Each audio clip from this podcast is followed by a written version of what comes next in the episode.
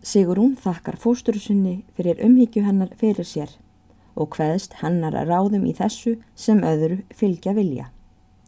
Tárin hrundu um kynnar hennar en ekki talaði hún neitt en kisti fósturu sína þegjandi en sá koss var merki æsku, einlagrar ástar og þakklætis. Segir Þórtís henni þá að hún muni byggja bjarna á leiti að taka við henni, sé hann kunningi sinn og fornminnur. Að því búnu skilja þar fóstrur og sest Þórtís á dreira og rýður á veg til leitis. Var það tvær bæjarleiðir frá stað. Reið árni vinnumadur með henni eins og ráð var fyrir gjört. Segir ekki að ferðum þeirra fyrir en þau koma að leiti. Ekki hafi Þórtís áður komið að leiti og var henni ekki kunnugt þar um heimkynni. Kringum túnið á leiti var garður mikill og rambyggilegur og allur gjörður af grjóti, axlar hár. Garður þessi var fornmannaverk. Mátti það þó sjá á honum að þar höfðu hraustar hendur um fjallað. Höfðu þar verið til færð björg svo stór að ekki var það færi þeirra manna er nú gjörast að færa þau úr stað. Garðurinn hafði víða verið hrunin og brotin í hann skörð stór þegar Bjarni kom að leiti. Ekki var það raunar tíska á Íslandi um átjándu öld að hlinna mjög að túngörðum eða vörslugörðum þeim er hinnir fyrir Íslendingar höfðu reist. Bjarni var þá á hennu léttasta skeiði er hann fór að búa á leiti. Hann var lægin mjög fyrir alls konar aflurraunir. Var það því öllu heldur að því að hann vildi reyna aflsitt við fornmenn, að hann bætti eftir garðin og hlóð í skorðin. En að því hann hegði á það, kvílik nöðsin og gagn má verða að slíkum merkum. Nú er þau þórtís, koma til leitis, sáu þau að maður einn mikill vexti stóð á hlaði, var það bjarni. Hann var svo klættur að hann var á prjónskirtu kvítri og ból yfir tvínheftum svörtum og árendar beintölur. Veður var heitt um daginn og var bjarni á nærbjöksum einum. Þær voru prjónaðar, kvítar að lit og á framann strengknappur eitt mikill af láthúnni, kúbuvaksinn og svo stór að nemamundi spesju stærð. Sokkar bjarna voru sögð mórauðir. Öll voru född bjarna nærskorinn og mótaði fyrir vöðvum á fótum og handlegjum og voru þeir allir þreglegir og vel lagaðir á það líta. Á höfði hafði Bjarni skotthúfu röndóta eins og hann átti vanda til. Þau þórdís ríða með tungarði, unst þau koma að hliði einu. Ekki sáu þau fleiri hlið á garðinum og hliðið ekki mikið og ekki meira en hestur klifjaður gat um gengið og lág yfir hellusteit mikill. Árni hleypur af baki og ætlar að taka steinin úr hliðinu. Ser hann þá að steinin er ekki hans meðfæri en ræðist þó til að færa hann brott en fær hverki bifað. Þetta sér Bjarni að menn eru komnir að hliðinu og fá ekki inn komist. Gengur hann þó útþangað og að hellunni og liftir upp á örmum sér og leggur á gardkampin og fór að öllu sem hægast en segir um leið við árna. Gastu ekki lagt frá þér hellublaðkinn, mannkind, meðan þú fórst inn um hliðið? Bjarni heilsar Þórdísi og byður hana að vera þar velkomna. Þú ert sjálft séður gestur hér, segir hann. Eða hvað ætlar þau nú, Þórdís mín? Þórdís hvaðst myndu segja þær frá en það þykir mér vel fara að ég hitti þig heilan á hófi. Segi það nú að lengi er eftir kröftur í köglum hjá Karli og var þér ekki mikið fyrir að lifta steininum úr hliðinu áðan. Nú ég væri þá döður, þórdis mín, ef ég gæti það ekki og kæmist ekki úr grininu. En þú skalt sjá móla sem ég gæt tekið upp þegar ég var yngri. Hann er skamt hérna frá Ég ætla að sína þér hann að gamni mínu áður en þú kemur heim. Þórdís var nú stígin úr söðlinum og ganga þau fram með garðinum og fer bjarni fyrir og það er til er Þórdís sér að í garðin er hlaðið, slett, þrep eða stallur mittis ár.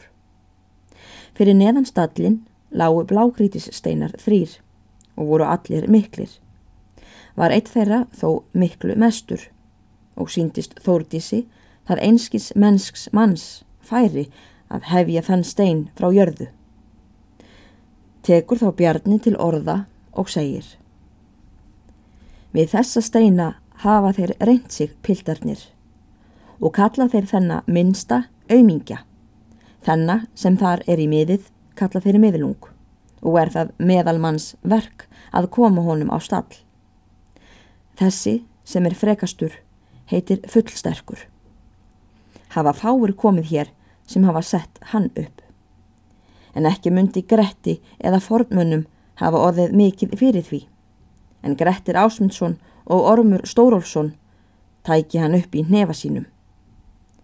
Það er rétt, þú reynir þig við hann miðlung, Árni. Árni taldist undan í fyrstu, en er húsfreyja, ekki við hann, reðist Árni til og gat hann aðeins látið renna vatn undir steinun. Þá bað Bjarni hann taka auðmingja. Og máttu ekki heita liðtækur, komir þú honum ekki á þrep, segir Bjarni. Árna virtist sásteinn ekki afar mikill. Hann var nöttóttur og af blákríti. Ræður Árni að þessum steini og vegur hann upp á mitti og ætlar hann þá að snara honum upp á stallin. En steinin var þingri en hann varði og má hann með engum móti koma honum lengra en upp að þreppbrúninni og sé hann þar niður, en árni blés stórum. Þú ert óharnaður enn, drengur minn. Það er auð séð, segir Bjarni. Það þarf þórtis mín að gefa honum eitthvað sem rennur í köklana til þess hann geti látið hann miðlung upp. Og þetta er nú tvítugur maður. En ekki ætla ég að reyna við hann auðmingja Því honum hef ég getað valdið til þessa. En nú held ég full sterkur sé orðin ofurefli mitt. En einhvern tíma gati ég þó komið honum hérna á brúnina.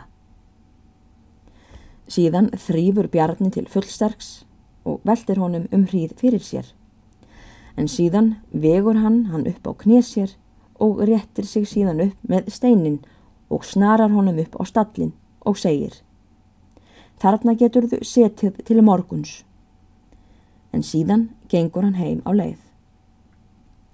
Mikið fannst Þórdísi til afls Bjarnar.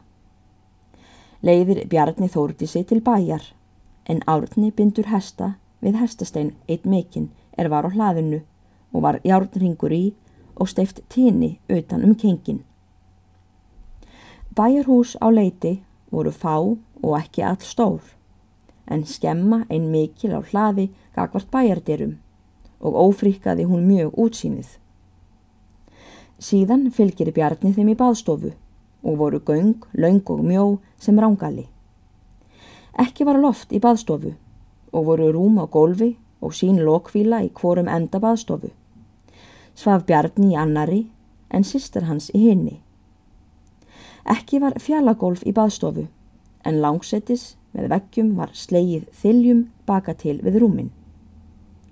Allt virtist þórdísi þrifalegt umhorfs og búslutir sterkir og eigulegir en síður sniðnir til fegurðar. Vísar Bjarni þórdísi til sætis á rúmi einu en sjálfur settist hann framann á lokfílu sína. Ekki sá þórdís þar fleiri menn en þau sístkinn og voru griðkonur og smali einhver staðar úti við.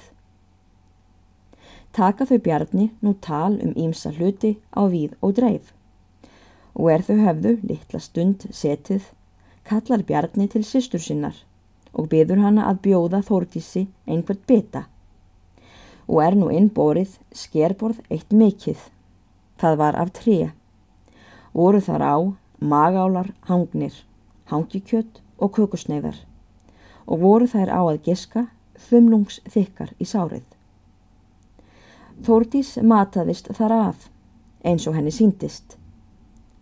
Kallar þá Bjarni aftur til sýstur sinnar og segir Ætlar þau ekki að gefa henni eitthvað að væta sig á? Hún getur ekki nota þetta sem ekki er von, því þetta er ekki ætt fyrir megurð og er það þó af þryggja vetra gelding. En ekki færðu kaffi hérna, þórtis mín. Það er ekki haft með það hérna, þó þeir séu farnir að flytja það, kompásarnir eða hvað þeir eru kallaðir, þessir dönsku kaupmenn. Það gildir nú líka einu, saði Þórtís. Þú hefur þó smakkað það, Bjarni minn. Já, smakkað hef ég það einu sinni eða tvísvar og þótti ekkert í varið og engin matur er í því. Þetta er eitthvað móraukt skólp og jetin sigurmóli með. En samt hvað það vera selt dýrum dómum, segja þér. Skollun sá Arna. Það kann að meiga velga sér á því ef manni er hrodkalt innan. En ekki er það ávið gott og sæmilega mengt hangikjötsóð. Ég síp mér stundum góða auðsu að því og þar finn ég að er einhver kjarni í, en ekki í hinum skólunum. Þetta er eins og smáar bönir. Þeir hafa sagt mér að það sé búið svona til í útlöndum og hafa saman við það album Gresum. Ég kann að nefna það. Þarna vættu þig dálítið á skýrspæni, segir Bjarni. Í því Þórun setti tinnfætt eitt á kjölduna á Þórdísi. Ekki eru hér silfurskeiðarnar, en eitthvað verður til að grípa. Þáðu henni Þórun mín sleifina mína. Ég stakk henni í morgun þarna í hóluna hjá veglæjunni. Og ekki fæ ég henni hana, sagði Þórun látt. Hér er þó annar gepill, segir Bjarni og rétti að Þórdísi hrútshyrning einn. Ber nú ekki til tífinda, þar til Þórdís hafði matast.